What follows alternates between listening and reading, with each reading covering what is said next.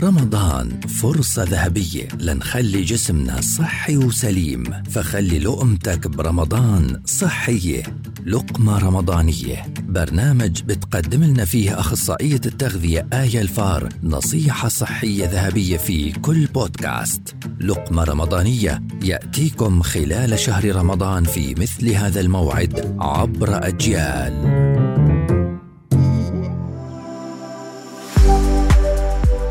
لضمان تناول إفطار متوازن صحي متنوع ومشبع بدون شعور بالتخمة أو زيادة بالوزن.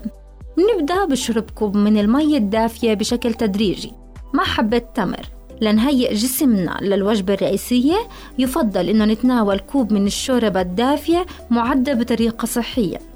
وبعدها بيكون خيارنا سلطات الخضار الطازجة مع زيت الزيتون، الليمون، الخل.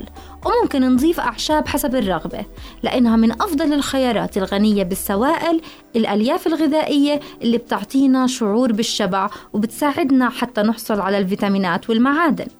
وأخيرا نستمتع بالوجبة الرئيسية والأفضل تكون محتوية على بروتين مصدره بشكل أساسي البقوليات صدر الدجاج الأسماك. بالإضافة للنشويات المعقدة من الحبوب الكاملة والخضار النشوية زي الفريكة، البرغل، خبز القمح، البطاطا والقرع بدل الحبوب المكررة مثل الخبز الأبيض، الرز الأبيض والمعكرونة تابعونا خلال الشهر الفضيل للمزيد من النصائح والاستشارات التغذوية والصحية. معي أنا أخصائية التغذية آية الفار.